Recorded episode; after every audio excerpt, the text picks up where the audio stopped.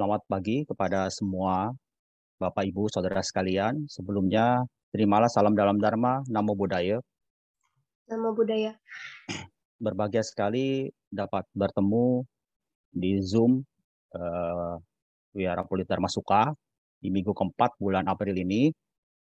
Uh, uh, walaupun mungkin suasananya sudah mulai memasuki suasana libur ya mungkin ya. Ya, semoga kita semua tetap semangat dan tetap sehat. Uh, adapun mungkin tema pada hari ini yang akan saya sampaikan adalah melakukan tanpa pamrih. Bapak, Ibu, Saudara sekalian, tentunya kita semua mengetahui kalau hidup ini ya kita lahir sebagai manusia dalam kehidupan ini tentunya adalah sebuah berkah bagi kita. Dan mungkin kenapa kita lahir sebagai manusia tentu ada alasannya kenapa kita harus lahir sebagai manusia. Dan kenapa kita lahir di sebuah keluarga yang mungkin papa kita yang ini, mama kita ini tentunya ada sebuah alasan juga. Kenapa juga kita punya adik, kakak, ya saudara semuanya juga yang seperti sekarang ini juga pasti tentunya semuanya ada alasannya dan semuanya tidak terlepas dari apakah karma-karma kita yang lalu yang kemudian berbuah pada kehidupan yang sekarang. Bapak Ibu Saudara sekalian, ada sebuah cerita pada zaman Buddha Gotama. Ada seorang biku yang bernama Biku Tisa. Biku Tisa ini pada satu hari menerima seperangkat jubah ya jubahnya itu bagus gitu ya. Dan dia senang. Dia senang sekali mendapat jubah itu. Uh, sebenarnya Bikuti saya ini mau mengenakan jubah ini pada besok harinya ya pada besok harinya. Tapi apa daya mau pakai jubahnya besok malamnya beliau meninggal ya. Beliau meninggal. Ya beliau ini meninggal dunia. Tapi Bapak Ibu sekalian karena Biku Tisa ini melekat ya karena waktu mau waktu dia sebelum dia meninggal ya sebelum beliau meninggal ini beliau kan mau memakai jubah itu besok ya. Akhirnya karena melekat pada jubahnya ya beliau terlahir sebagai seekor kutu. Ya jadi dari manusia lahir jadi kutu ya. Jadi manusia lahir jadi kutu kutunya ini di mana dia tinggalnya? Nah, kutu ini tinggalnya di dalam lipatan jubah. Ya, jadi jubahnya bagus, jadi lahirnya kutu di dalam lipatan jubah ini. Nah, karena yang punyanya meninggal, ya, yang nggak ada yang mewarisi benda miliknya, ya, diputuskan jubah ini akan dibagi bersama oleh biku-biku yang lain, gitu ya. Jadi mau dibagi nih tapi sebenarnya pada saat biku ini mau bagi jubahnya, si kutuknya ini marah gitu sebenarnya. Wah mereka mau ngerusak jubah nih, mau jubah saya mau dirusak gitu ya. Wah, kutuknya marah, kutu bisa marah juga loh. Ya bukan orang aja gitu ya. Orang mas tapi nggak tahu kutu kalau marah seperti apa, nggak tahu juga gitu ya. Nah kutuknya marah nih, kutuknya marah. Nah, Bapak Ibu sekalian, Buddha mempunyai uh, kemampuan yang sangat bagus ya udah mendengarkan nih kalau ternyata Biku Tisa yang lahir jadi kutu ini sebenarnya lagi marah gitu ya. Lagi marah. Nah, karena karena beliau mendengarkan ya karena kemampuan beliau yang sangat hebat gitu ya. Nah, akhirnya Buddha mengirimkan seseorang untuk menghentikan para biku ya dan memberikan petunjuk untuk menyelesaikan permasalahan jubahnya ya. Supaya jubah ini ya diselesaikan ya selama tujuh hari. Jadi pada hari ke-8, pada hari ke-8 jubahnya baru boleh dibuka. Ya, baru boleh dibagi maksudnya ya. Pada hari ke-8. Ya, jadi selama tujuh hari jangan diapa-apakan jubahnya. Ya, sudah tuh, ya. Nah, para biku eh, mengikuti ya, mengikuti apa yang dikatakan oleh Buddha. Dan tidak ada pertanyaan Ya. Nah setelah tujuh hari kemudian baru bertanya, ya, kenapa harus menunggu selama tujuh hari? Ya. Kenapa sih harus nunggu selama tujuh hari? Ya. Kemudian Buddha uh, menjelaskan, ya murid-muridku pikiran Tisa melekat pada seperangkat jubah itu pada saat dia meninggal. Dan karenanya ia terlahir kembali sebagai seekor kutuk yang tinggal di dalam lipatan jubah. Ketika kalian semua bersiap membagi jubah, si kutuk akan sangat membencimu, ya, dan dia akan terlahir di alam neraka. Ya. Tapi sekarang Tisa telah bertumbuh lahir di alam dewa Tusita. Oleh karena itu, aku memperbolehkan engkau mengambil jubah tersebut. Dari peristiwa tersebutlah kemudian Sang Buddha membabarkan dalam Dhammapada 240 bagaikan karat yang timbul dari besi bila telah timbul akan menimbulkan menimbulkan menghancurkan besi itu sendiri. Begitu pula perbuatan-perbuatan sendiri yang buruk akan menjerumuskan pelakunya ke alam kehidupan yang menyedihkan. Bapak Ibu Saudara sekalian, tentunya dalam kehidupan kita ini semuanya uh, akan selalu berhubungan ya apalagi dalam kita uh, apa uh, sebagai manusia ya yang tentunya uh, dalam kehidupan duniawinya mungkin masih masih masih apa ya masih dekat lah ya dengan kita.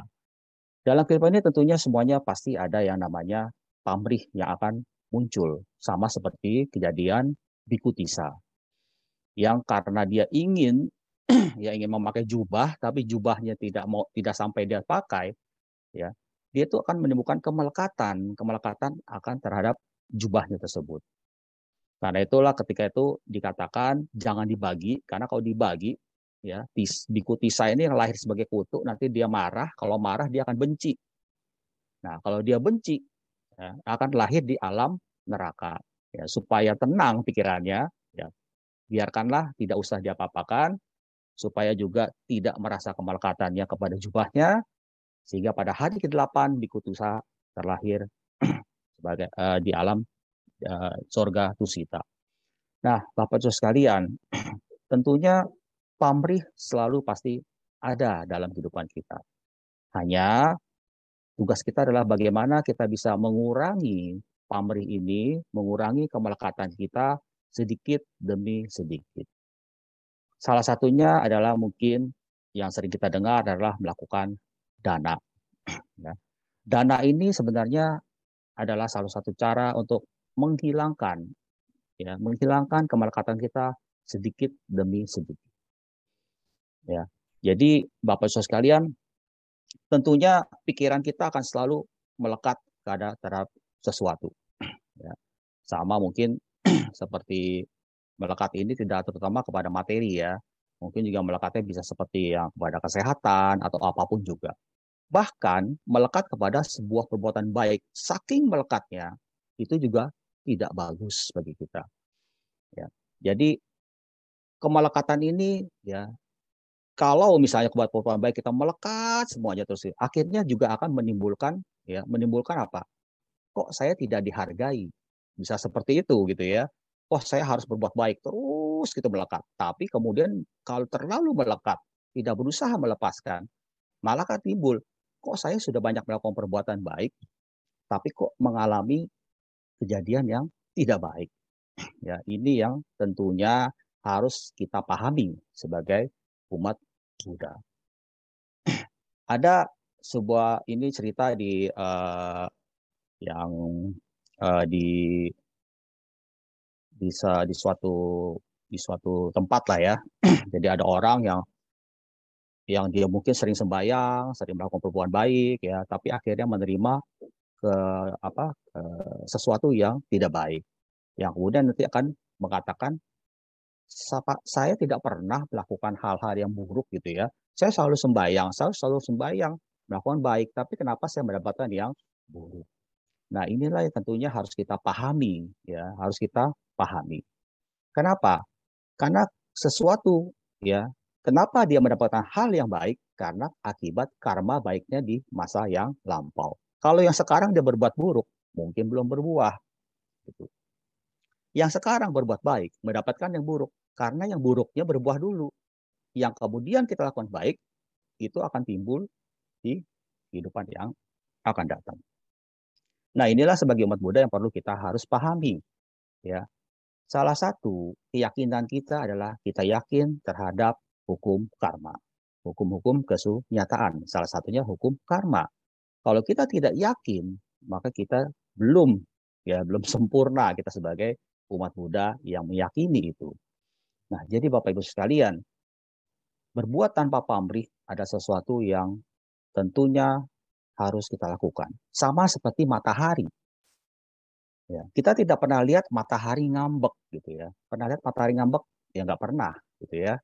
Misalnya nih ya kita sekarang dia ya, sekarang ya Bapak Ibu ya, itu panasnya menyengat ya, betul ya. Kalau panas kayak menyengat gitu, sampai aduh panas banget nih gitu kan.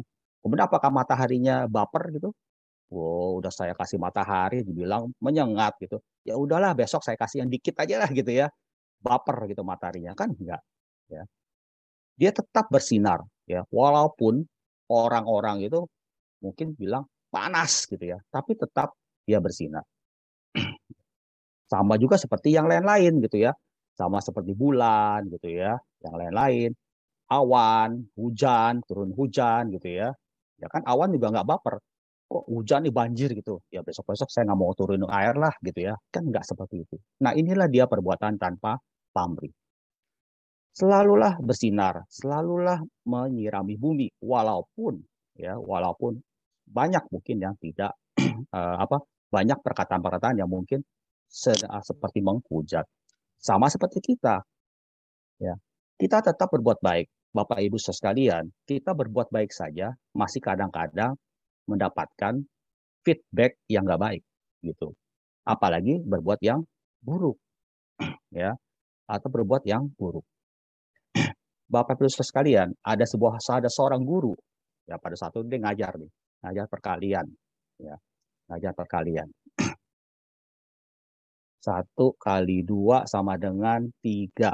Satu, dua kali dua sama dengan empat. Tiga kali dua sama dengan enam. Empat kali dua sampai delapan. Lima kali dua sama dengan sepuluh. Enam kali dua, dua belas. Tujuh kali dua, empat belas. Delapan kali dua, enam belas. Sembilan kali dua, delapan belas. Ya, sepuluh kali dua, dua puluh. Kemudian apa yang dikatakan oleh gurunya? Sama murid-muridnya. Wah, Pak Guru. Pak Guru tuh bodoh gitu ya. Kenapa? Coba Bapak lihat nggak di depan? Iya kenapa? Apa ada yang salah? Ya iyalah salah. Ya. Masa satu kali dua sama dengan tiga gitu ya? Begitu Bapak Ibu. Padahal itu kan ada perkalian ada berapa? Ada sepuluh ya. Satu kali dua, dua kali dua, tiga kali dua, sampai sepuluh kali dua. Ada sepuluh. Yang salah cuma satu. Yang satu kali dua sama dengan tiga. Tapi apa yang dibilang?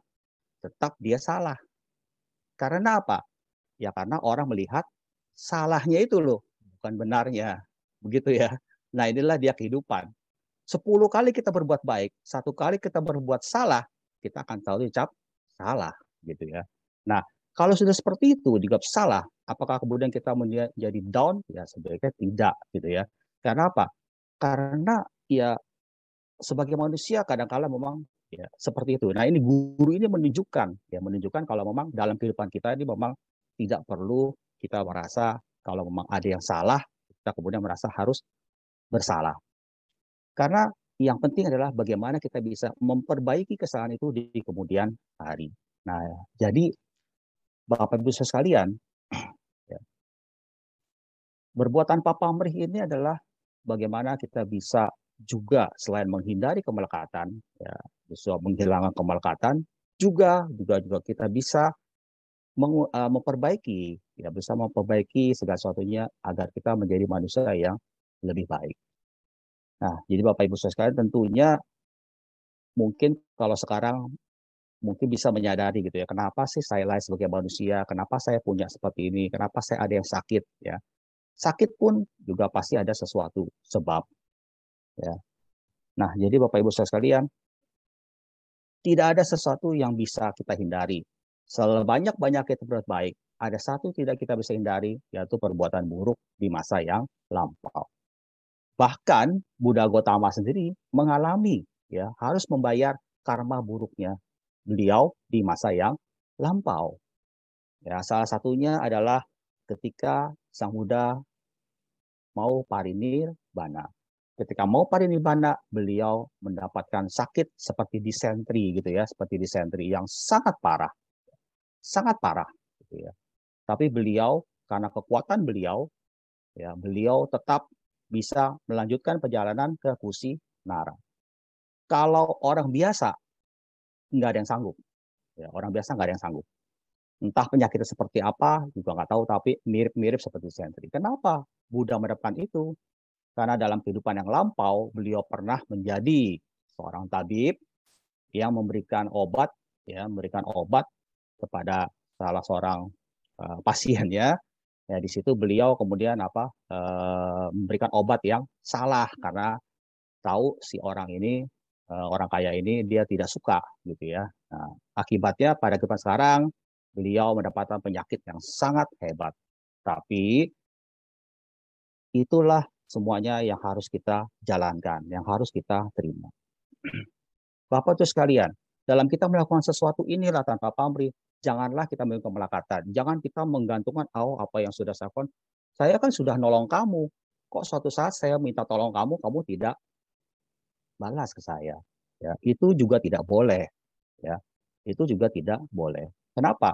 Karena kalau begitu kita akan selalu eh, hidup kita akan selalu apa?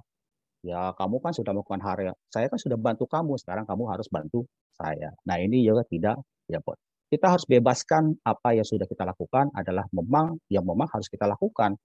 Apa yang kita terima yaitu memang harus kita terima. Jadi bapak ibu sekalian dalam hal ini ya bertindaklah tanpa pamrih melakukan sesuatu ya seperti kita tidak melakukan apa-apa ya maksudnya apa ya Romo ya melakukan sesuatu tapi tidak melakukan apa-apa. Seperti ini, kita melakukan sesuatu, anggap saja saya saya berbuat baik, tapi anggap saja saya tidak pernah melakukan hal yang baik, ya, melakukan perbuatan baik kepada seseorang. Saya anggap kamu tidak punya hutang. Kamu tidak punya hutang kepada saya, karena kewajiban saya adalah melakukan hal yang baik. Kenapa saya melakukan hal itu? Mungkin ada pertautan karma, ya kan? Bapak Ibu Saudara pernah nggak menyadari kenapa saya sama orang ini kok saya tuh kalau dia ini saya terus terang terus dia ya saya bantu dia tapi saya juga kenapa saya bantu dia padahal masih banyak orang yang dibantu ada sebuah cerita karma Bapak Ibu sekalian ada seseorang yang selama hidupnya selama hidupnya tuh ya dia itu menanggung keluarganya menanggung keluarganya ya saudaranya, orang tuanya, semuanya. Kebetulan dia mampu. Tapi apa yang dia dapat, dia tanggung semuanya keluarganya, akhirnya memang dia tidak punya apa-apa, gitu ya, walaupun tidak miskin. Kenapa bisa seperti itu? Bisa saja, bisa saja dulu kehidupan yang lalu, ya, orang ini mempunyai hutang karma kepada orang-orang yang sekarang ini, gitu, ya. Jadi punya hutang karma nih. Mungkin dulu dia pelit, dulu pelit kehidupan yang lalu. Sehingga ketika dalam kehidupan sekarang, apa yang dia punya, ya sudah. Sokong sana, sokong sini, sokong sana, sokong sini gitu ya. Kok seakan-akan nggak pernah ada habisnya. Ya. Ini yang tetap kita harus pahami. Jangan kemudian merasa, aduh percuma ya, saya kerja atau gimana, punya uang, kok buat ini, buat ini, buat ini gitu ya. Tidak perlu kita mengeluh. Karena kembali lagi ya ketika kita lahir ya di awal tadi saya katakan kenapa kita lahir sebagai manusia? Kenapa saya lahir? Papa saya mama saya ini. Kenapa saya lahir? Saudara saya yang ini semuanya. Pasti ada satu sebab. Pasti ada sebab. Kenapa sebabnya? Karena mungkin saya mungkin harus membayar hutang karma kepada semuanya ya hutang karma kepada semuanya nah jadi bapak ibu sekalian inilah dia Ya, kalau kita selalu melekat dengan apa yang kita lakukan, entah itu baik ya, ya entah walaupun itu baik, janganlah kita melakukan kemelekatan. Karena ini akan menimbulkan apa? Kemampuan kita ya. Nanti e, ketika kita nanti akan pindah alam, kita akan selalu ya seperti tadi bikutisa melekat sama jubahnya, lahir jadi kutu gitu ya. Lahir jadi kutu. Sama seperti cerita ketika eh, di uh, salah seorang hartawan yang meninggal dunia ya karena dia pelit ya nggak kasih tahu hartanya, dia meninggal jadi seekor anjing di rumahnya. Nah, kita tentunya tidak mau seperti itu.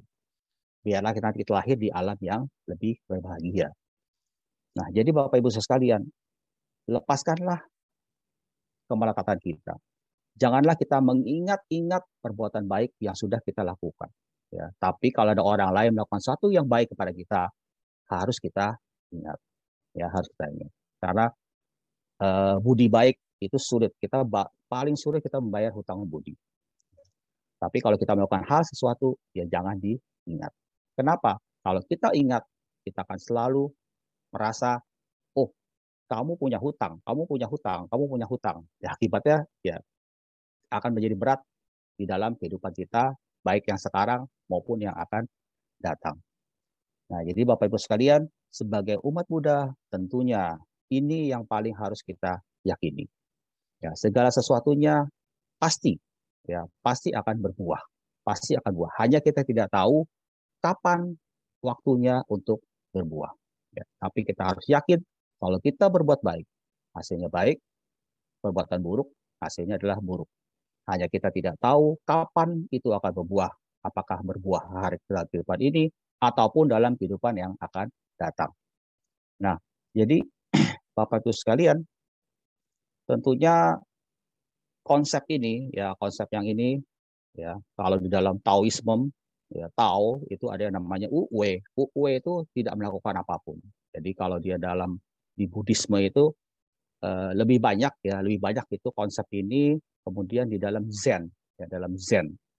Jadi kalau Bapak Ibu kemudian uh, sering baca ya, sering baca kan ada cerita Zen ya, cerita Zen ya, bukunya kan ada tuh ya. Kalau beli di Gramedia masih ada kayaknya tuh buku Zen gitu ya, buku Zen itu kalau kita baca ceritanya, mungkin ceritanya kok eh, kalau kita nggak bisa eh, apa ya eh, nggak nangkep gitu ya kok seakan-akan kok kayaknya eh, apa nyeleneh gitu ya nyeleneh. Tapi itulah dia ceritanya menciptakan kepada kita agar supaya jangan ada sesuatu yang pamrih dalam kehidupan ya salah satu ceritanya. Salah satu cerita Zen itu yang adalah yang paling ya, uh, yang paling saya suka adalah ada dua orang biku. Dua orang biku satu yang uh, senior satu yang junior lah. Pada satu hari sedang berjalan, ya, sedang berjalan, eh tiba-tiba di depan itu ada sebuah sungai kecil. Ada sebuah sungai kecil. ya, mungkin kalau yang pernah baca, ada sungai kecil tuh. Ya, ada sungai kecil. Eh, pada saat itu tepi sungai ada seorang gadis cantik. Gadis cantik mau mau nyebrang juga, tapi walaupun sungainya sebenarnya gampang bisa di bisa dilaluin, tapi karena gadis cantik nih pakai bajunya bagus, takut basah mungkin ya. Jadi dia mau apa mau menyeberang. Ya kemudian si biksu uh, mereka bertanya mau ke mana nona mau nyebrang. Oh ya udah. Kemudian apa yang terjadi? Biksu yang tua ini kemudian menggendong ya sampai ke seberang. Biksu mudanya ini bingung dia. Kan kita biksu nggak boleh menyentuh wanita. Begitu katanya. Dia berpikir dalam dalam sininya ya. Nah, ketika udah selesai sampai seberang, terima kasih, mereka berdua berjalan. Si biksu tua ini kemudian yang senior ini bilang, apa yang kamu pikirkan? Kemudian yang yang yang junior itu kemudian mengatakan, uh, suhu, bukankah kita sebagai uh, suhu ya sebagai uh, biksu tidak boleh menyentuh wanita? Kemudian apa yang dikatakan oleh si biksu senior ini? Wanita yang mana? Gitu ya. Yang senior bilang wanita yang mana gitu. Nah, jadi kalau kita katakannya apa? Si yang junior ini masih menganggap yang itu dia adalah wanitanya ada gini. Tapi yang yang senior ini waktu dia gendong dianggap itu ya perbuatan baik, tidak uh, bukan seperti ada nafsu dan lain-lain. Jadi dia katakan wanita yang mana gitu, karena dia nggak merasa tuh, dia menyentuh wanita ataupun melakukan suatu hal yang buruk.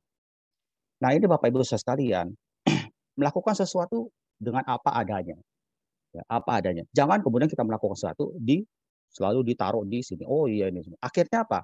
Ya begitu seperti itu. Bapak Ibu sekalian, dalam kehidupan ini biasanya yang kita ingat Pertama adalah hal-hal yang sangat menyenangkan, berkesan. Betul ya. Yang kedua, yang sangat menyedihkan. Dua hal ini yang paling selalu diingat. Betul nggak? Coba kalau kita ingat ya. Kalau misalnya ini, kalau misalnya eh, Bapak Ibu sekalian, eh, kalau misalnya baru bang, uh, misalnya uh, masuk ke rumah uh, apa masuk ke rumah lah gitu ya masuk ke rumah ya. kalau ditanya apakah waktu masuk ke rumah pakai kaki kiri atau kaki kanan dulu ya tentunya kan bingung kaki kiri kaki kanan ya tadi ya saya masuk ke rumah ya kadang kiri kadang kanan sih tapi tadi tongkol tadi saya kaki kiri kaki kanan ya ya lupa lagi gitu ya karena bagi kita ada suatu kebiasaan tuh nggak diingat-ingat ya tapi kalau pas lagi jalan kesandung tuh kesandung tuh gitu kan, sandung. Nah, pasti ingat tuh, iya saya kesandung, kaki kanan saya sakit, ya betul kaki kanan yang sakit gitu ya, karena kesandung sakit. Gitu. Tapi kalau biasa-biasa saja, tidak kita ingat. Nah jadi Bapak Ibu sekalian, hal-hal seperti inilah yang tentunya eh, bagi kita itu eh, dalam kehidupan kita ini sekarang tetap kita harus suka atau tidak suka harus kita terima. Ya, baik dan buruk adalah semuanya dari sesuatu yang kita lakukan di kehidupan yang lampau. Nah, jadi Bapak Ibu sekalian, lakukan hal ini sesuatu dengan yang eh, apa ya? Ya dengan jalankanlah dengan enjoy lah ya, dengan enjoy. Jangan kita mendapat sesuatu kemudian kita minta sesuatu yang mungkin terlalu banyak. Bapak Ibu sekalian, kebetulan kebetulan eh, saya kerja di salah satu perusahaan IT ya, perusahaan IT dan kebetulan juga uh, saya uh, apa uh, kebetulan dipercaya juga sebagai uh, salah seorang uh, kepala gitu ya. Uh, sering dalam hal kita terima karyawan, ya sering terima karyawan. Kadang kala nih waktu terima karyawan, berapa salary yang mau? Kadang-kadang mintanya langsung, oh segini harganya gitu ya. Karena menurut pasaran harganya segitu. Oke, kita tanya lagi nih, tanya terus ini ya, terus tanya gitu kan. Akhirnya apa? Tes nih. Begitu tes ternyata apa?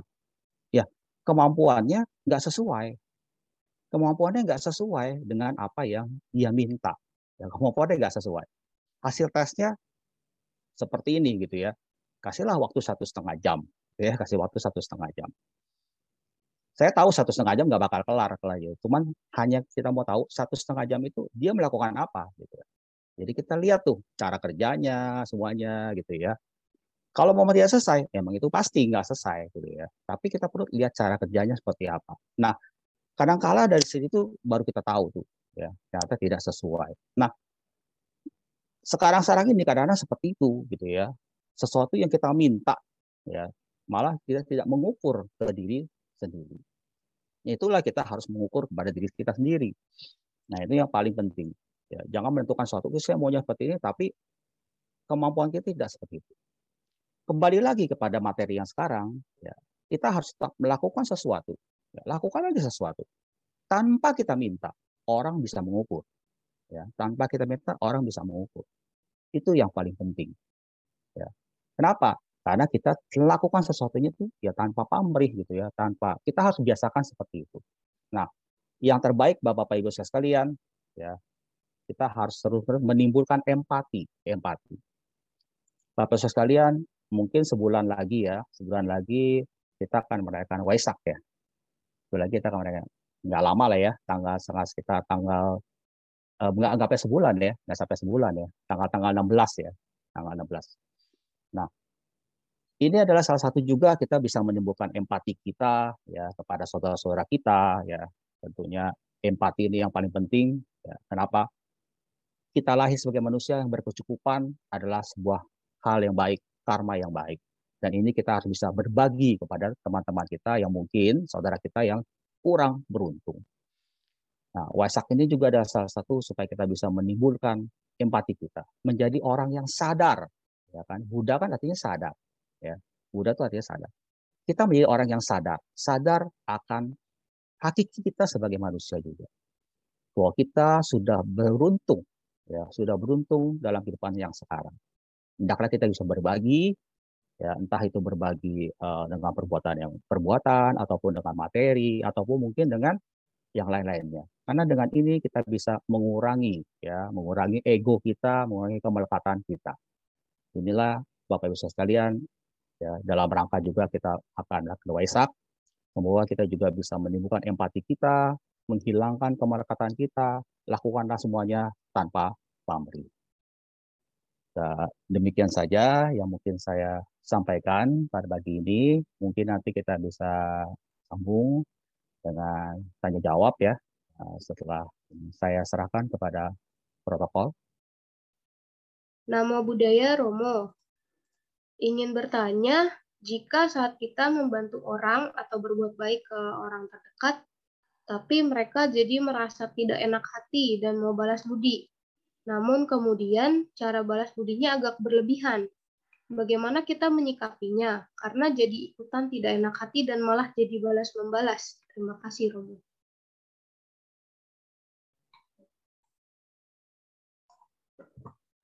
Ini yang bertanya eh, perempuan, kemudian perempuan atau laki-laki, kemudian yang yang ditolong ini perempuan atau laki-laki juga nih. Karena jawabannya bisa beda nih. mungkin secara general mungkin ya. Ya, general aja. Iya. General aja ya. Nah, jadi tentunya uh, kita berbuat baik ya kepada orang uh, itu sudah baik gitu ya.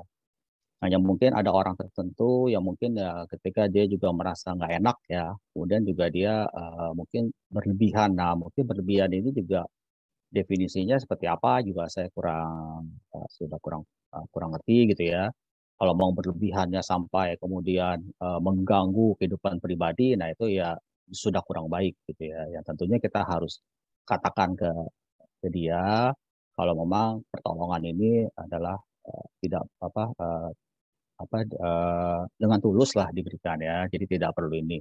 Kalaupun mau menolong lagi adalah ya cobalah kalau kalau bisa kamu juga melakukan hal yang sama kepada saya, kepada kamu, ya kamu juga melakukan hal yang sama kepada orang yang lain. Itu kan lebih lebih baik gitu ya seperti jadi orang yang lebih uh, melakukan. Karena pada prinsipnya adalah ketika saya menolong kamu ya saya tidak mengharapkan apa pun gitu ya. Nah, tentunya ini yang yang tentunya harus disampaikan eh, juga. Karena kadang-kala memang ada orang tentu kan uh, ada yang kurang peka gitu yang kurang peka. Jadi mungkin dia bawaannya nggak enak tuh Ya, saya juga kalau ditolong orang juga saya juga nggak enak terus gitu ya. Ya, aduh gimana gitu ya, ada apa-apa atau apa, mesti harus bagaimana, bagaimana gitu ya. Nah, jadi eh, apa ya, ya tetap harus disampaikan juga gitu ya, disampaikan juga supaya orang yang ditolong ini juga tidak sampai uh, merasa tidak enak gitu. Akhirnya jadi dia merasa uh, jadi ada beban. Nah, itu jadinya kurang baik juga ya. Maksud kita baik, tapi jadinya akhirnya menjadi tidak baik ya bagi kita sendiri ya. Dan juga bagi yang ditolong gitu ya kita sendiri karena mungkin ditolong itu oh, akhirnya terus-terusan tuh ya. Wah, terus-terusan atau bagaimana ada apa pun gitu ya. Nah yang ditolong pun juga juga mungkin duh saya ini nggak enak terus ya nggak enak hati terus gitu ya. Nah jadinya kan ini uh, juga tidak baik di kedua belah pihak. Ya sebaiknya memang disampaikan ketika kita menolong ya. Apalagi itu uh, apa sih yang dekat gitu ya yang dekat semuanya. Nah jadi itu uh, apa uh, ini yang kadang-kala kalau kita sering ketemu atau gimana, nah itu juga bisa menimbulkan bisa salah persepsi gitu ya, bisa salah paham. Ya. Kecuali kalau kita menolong orang yang mungkin kita ya udah kita sambil jalan lagi ke suatu tempat, eh ada yang butuh, ada ini, ya udah saya tolong gitu ya. Mungkin itu lain persoalan tuh. Biasanya mungkin dia juga kenal kita, saya juga kenal dia. Ya. Nah jadi ini yang uh, itu generalnya ya. Kalau secara khususnya saya nggak uh, nggak nggak apa uh, kurang mengerti ini ya uh, sampai sejauh mana uh, yang dimaksud dari pertanyaan ini. Mungkin itu saja. Oke, baik. Semoga menjawab bagi yang bertanya tadi. Kemudian pertanyaan kedua dari Meliza. Uh, tidak melekat terhadap masalah atau hal yang buruk, tidak melekat terhadap hal yang menyenangkan juga. Karena semua bersifat tidak kekal dan akan berlalu namun bersumbangsi tanpa pamrih, membantu yang membutuhkan, dengan penuh sukacita, barulah kebahagiaan yang sesungguhnya. Bagaimana menurut Romo mengenai hal ini? Terima kasih. Baik. Jadi uh, melakukan hal yang baik itu itu adalah satu yang bagus gitu ya. Ya melakukan yang buruk tentunya juga yang harus kita hindari. Nah, kalau kita melakukan sesuatu kemudian kita senang itu juga adalah baik gitu ya. Karena eh, contoh lah ya saya ambil ketika kita berdana ya kalau kita berdana itu kan sebelum berdana ya kita eh, hati kita juga eh, apa senang gitu ya bahagia sewaktu berdana juga sama, setelah berdana pun juga sama seperti itu. Ya kan kemudian wah waktu mau dana saya ini senang. Waktu berdananya oke, tapi setelah berdana nyesel ya kasihnya kegedean gitu ya. jadi jangan seperti itu juga. Nah jadi tetap itu adalah sukacita. Cuma ya jangan kemudian ya ketika kita perbuatan baik itu diingat-ingat terus gitu. Nah ini yang ya akan aja kemelekatan kita jadinya sangat melekat sama suatu oh saya sudah melakukan sesuatu yang baik gitu ya. ya. Ketika perbuatan baik itu dilakukan ya, dan kita bersuka cita, senang, itu adalah hal yang yang memang seharusnya seperti itu. Tapi kemudian kalau kita bawa-bawa terus gitu ya, bawa-bawa terus gitu ya kan, akhirnya kan ya kita melekat juga sama sesuatu yang yang dulu kita pernah lakukan. Nah ini yang sebaiknya juga tidak kita uh, kita tidak lakukan juga ya, karena itu selalu kemelekatan jadinya. Nah ini makanya tadi yang saya katakan melekat dengan hal yang baik pun juga sebaiknya dihindari ya kan? Karena melekat itu kan apa? Bukan melekat dalam arti kata oh saya harus berbuat baik harus berbuat baik. Itu bagus. Saya berbuat baik itu bagus. Tapi kalau kita ingat-ingat terus perbuatan baik itu yang kurang bagus. Jadi itu sih maksudnya gitu ya. Jadi mungkin kepada yang bertanya dan juga kepada bapak ibu sekalian yang ditanyakan ya itu sudah benar ya kita tetap harus lakukan ketika melakukan perbuatan baik kita tetap harus senang harus bersuka sukacita. Kita senang melakukan perbuatan baik ya. Tapi setelah itu ya setelah itu janganlah kita aduh saya tuh sudah melakukan perbuatan baik gini gini gini gini. Akhirnya apa? Nanti akan timbul suatu saat kita mengalami hal yang kurang baik akhirnya akan timbul kekecewaan aduh saya kan kemarin-kemarin sudah banyak berbuat baik kenapa saya mendapatkan hal yang nggak baik nah itu kan akan jadi seperti itu ya kan akan jadi seperti itu Nah, kalau kita tidak pernah mengingat, ya kalau kita berbaik, ya kurang baik, ya kita harus terima. Karena itu adalah hal yang lalu yang pernah kita lakukan. Seperti itu aja sih jawabannya. Semoga bisa menjawab ya. Ya, Romo. Ada lagi Romo pertanyaan. Nama budaya Romo. Uh, mungkin ini di luar konteks pamrih Romo. Saya mau bertanya di masa pandemi ini terkadang target perusahaan tidak bisa tercapai. Sehingga untuk tetap menjadi profitabilitas, perusahaan kita melakukan inisiatif efisiensi di karyawan. Atas hal ini apakah membawa karma buruk dan bagaimana menghadapi ini? Terima kasih Romo Nama Budaya. Ya. Ya ini pertanyaan yang bagus nih ya, karena kan bukan hanya menimpa satu orang ya, tapi semua orang gitu ya, semua orang. Ya mungkin ada perusahaan yang memang harus melakukan efisiensi seperti itu ya. Tapi juga mungkin banyak juga saudara kita yang tidak beruntung ya efisiensinya dia langsung tidak di uh, apa uh, melakukan apa ya maksudnya mungkin uh, tidak bekerja lagi gitu ya tidak bekerja lagi. Nah ini ya mungkin kita harus uh, sadari itu karena dalam kehidupan sekarang ini apalagi ini bukan satu kondisi yang apa ya kondisi yang eh, hanya berlaku di Indonesia saja gitu ya, tapi di seluruh dunia. Gitu. Seluruh dunia itu mengalami hal seperti ini. Jadi kalau memang hal seperti itu lakukan yang, yang apa yang seperti yang efisiensi ya saran saya sih ya kantor saya juga sama seperti itu gitu ya kantor saya sama seperti itu ya kita harus siap gitu ya kita harus siap ya. Pernah juga ya di awal-awal mungkin ada apa sih efisiensi di, salary ya, kemudian di yang lain-lain, apalagi mungkin ya, apalagi nih ya, mungkin bukan hanya saya nih, mungkin semuanya sudah diefisiensi ya, kemudian pekerjaannya jadi banyak gitu ya kan, pokoknya jadi banyak gitu ya. Kok WFH tapi jadi banyak gitu pekerjaannya gitu ya. Ya tapi memang ini yang memang harus kita uh, apa ya harus kita uh, apa hadapi gitu ya, kita hadapi. Bagaimanapun kita harus menghargai orang yang uh, apa mungkin atasan kita atau mungkin bos kita lah ya. Bos kita yang sudah sedemikian rupa ya bisa mensupport buat kita ya. Dan materi kita juga bersama-sama tetap kita harus uh, yang mungkin yang bertanya ini mungkin efisiensi tapi uh, kalau dari pertanyaannya sih mungkin tidak sampai di PHK kali ya. Mungkin masih bisa bekerja cuman hanya mengalami pengurangan saja karena targetnya tidak tercapai. Ya kondisi sekarang ini kita tidak bisa bilang seperti apa-apa. Ya, ini kondisi yang mungkin karma kalau disebut karma itu karma karma satu dunia gitu ya, karma kelompok ya, karma kelompok yang memang kelompoknya bukan hanya sedikit tapi sudah satu dunia, satu global. Karma kelompok yang memang kita harus terima bersama-sama. ya tetap saja bekerja dengan sebaik-baiknya, jangan mengurangi ya, jangan mengurangi karena suatu saat mungkin ketika keadaan pulih ya, keadaan pulih bisa saja perusahaan akan melihat orang ini waktu dia dikurangi atau gimana kerjanya masih tetap. Bahkan mungkin masih bisa uh, mungkin mau memper, seperti target atau apa pun mungkin masih uh, walaupun tidak tercapai tapi tetap bekerja. Ya suatu saat mungkin jika keadaan pulih tetap kita bisa dipakai gitu ya. Tetap kita bisa dipakai. Yang penting adalah tetap kita harus bekerja ya. Jangan kita mengundurkan ini. Malah saya kadang-kadang dari pengalaman saya saya malah katakan kepada uh, bawahan saya gitu ya saya suka sharing gitu ya kalau kamu bekerja kerjalah di luar batas gaji kamu maksudnya apa bukan karena bukan karena apa ya bukan harus tanya sana tanya sini bukan tapi bekerjalah ya misalnya eh, saya sebenarnya cuma sampai di sini nih harus tahunya. Tapi saya mau tahu lebih banyak lagi mungkin ya seperti sebenarnya ini. Itu yang harus kita tanamkan. Ya, kita itu yang kita harus kita tanamkan. Ya. Karena apa? Yang bisa menilai kita adalah bukan bukannya bukan diri kita tapi orang lain. Ya. Jadi kepada yang bertanya kembali lagi tetap kita bekerjalah ya.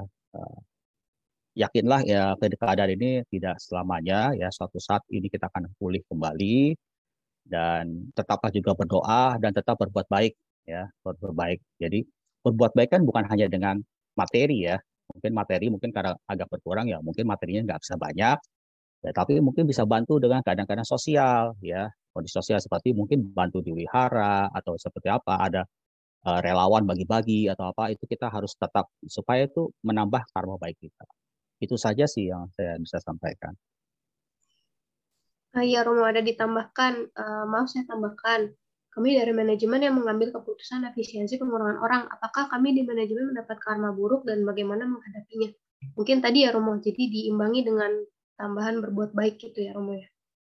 Ya tentunya segala sesuatu adalah ya berat juga ya, berat juga ya. Kalau misalnya sebagai kita berpikirlah sebagai atasan juga gitu ya, kita pikir tidak mudah sebagai seorang atasan, apalagi bos ya mengambil sebuah keputusan itu nggak mudah nggak mudah. Ya. Walaupun karyawannya mungkin cuma 10, misalnya cuma 10 karyawannya.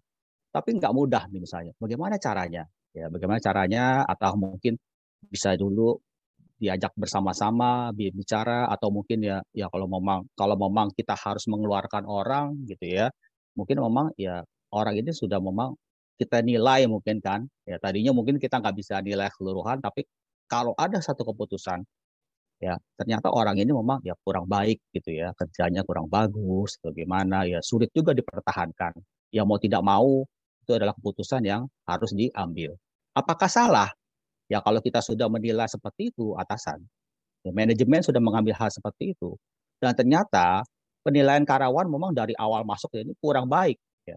Tadinya mungkin tidak masalah tadinya tidak masalah. Tapi sekarang harus dipertimbangkan.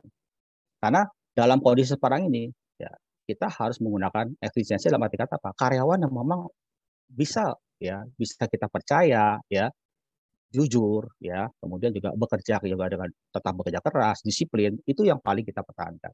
Apakah salah? Ya sebenarnya kembali lagi ke orangnya. Ya, kalau orang itu dulunya selalu jujur, disiplin dan lain, mungkin nggak dia dipecat? Nggak mungkin kan gitu ya kan? Nggak mungkin itu dipecat. Ya. Kalau dia baik, apa salahnya dia gitu kan? Kenapa saya harus keluarkan dia? Kan nggak mungkin juga, ya kan? Jadi sebenarnya kembali lagi gitu ya, ya memang uh, itu keputusan yang sulit, tapi tetap harus diambil ya. demi kebaikan juga ya entah perusahaan ataupun juga yang memang orang itu pantas untuk tetap dipertahankan. Itu saja sih. Ya, jadi jangan merasa apa ya, ya selalu ada konsekuensinya lah ya, selalu ada konsekuensinya. Ya, tapi ya kenapa orang itu sampai di tidak bekerja kan itu ya uh, kalau kita kembali lagi ke sebelum-sebelumnya ya kamunya ya juga dulu masalah sih gitu ya. Nggak pernah nggak pernah mungkin masuk ke terlambat terus gitu ya kan. Kerjanya juga nggak benar semuanya. Dulu mungkin nggak masalah, sekarang jadi masalah gitu ya. Tapi kan yang cari masalah siapa? Iya karyawannya sendiri gitu ya kan. itu saja sih gitu ya. Jangan kita menyalahkan siapa pun lah. Gitu. Oke, ya, terima kasih Romo. Bapak Ibu teman-teman mungkin ada yang ingin bertanya secara langsung kepada Romo.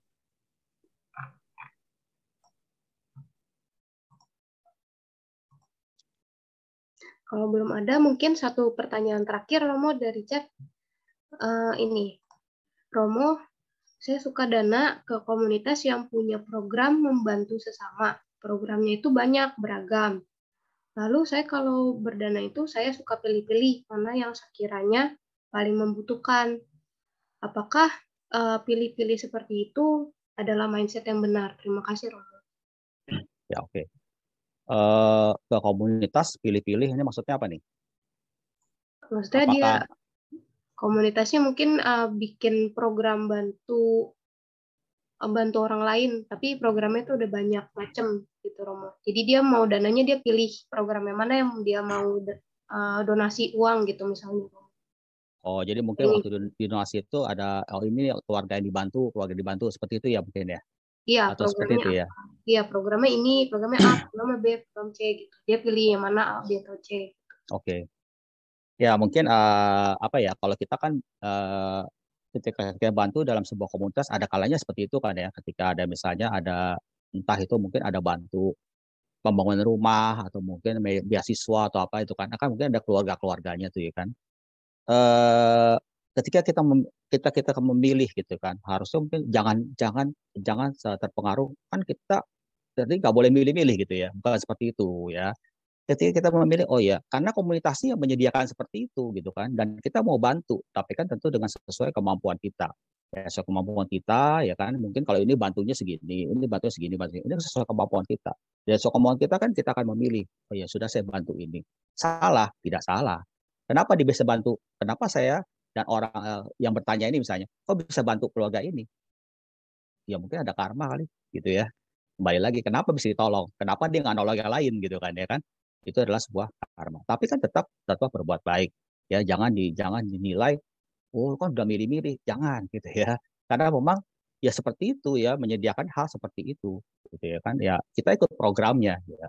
Ya kan kita programnya ya kita sama seperti itu. Ya kalau misalnya enggak ya kita bagi-bagi. Tapi kalau dibagi-bagi apakah bisa memungkinkan? Kan kembali lagi kepada kemampuan dari masing-masing. Tapi jangan lupa tetap selalu kita melakukan hal yang baik ya itu adalah hal yang sangat baik menurut saya sih itu saja oke terima kasih Romo baik kayaknya udah tidak ada pertanyaan lagi uh, oke Romo sebelum kita menutup mungkin ada Romo ingin menyampaikan closing statement atau tambahan dari Romo kepada kami? Baik.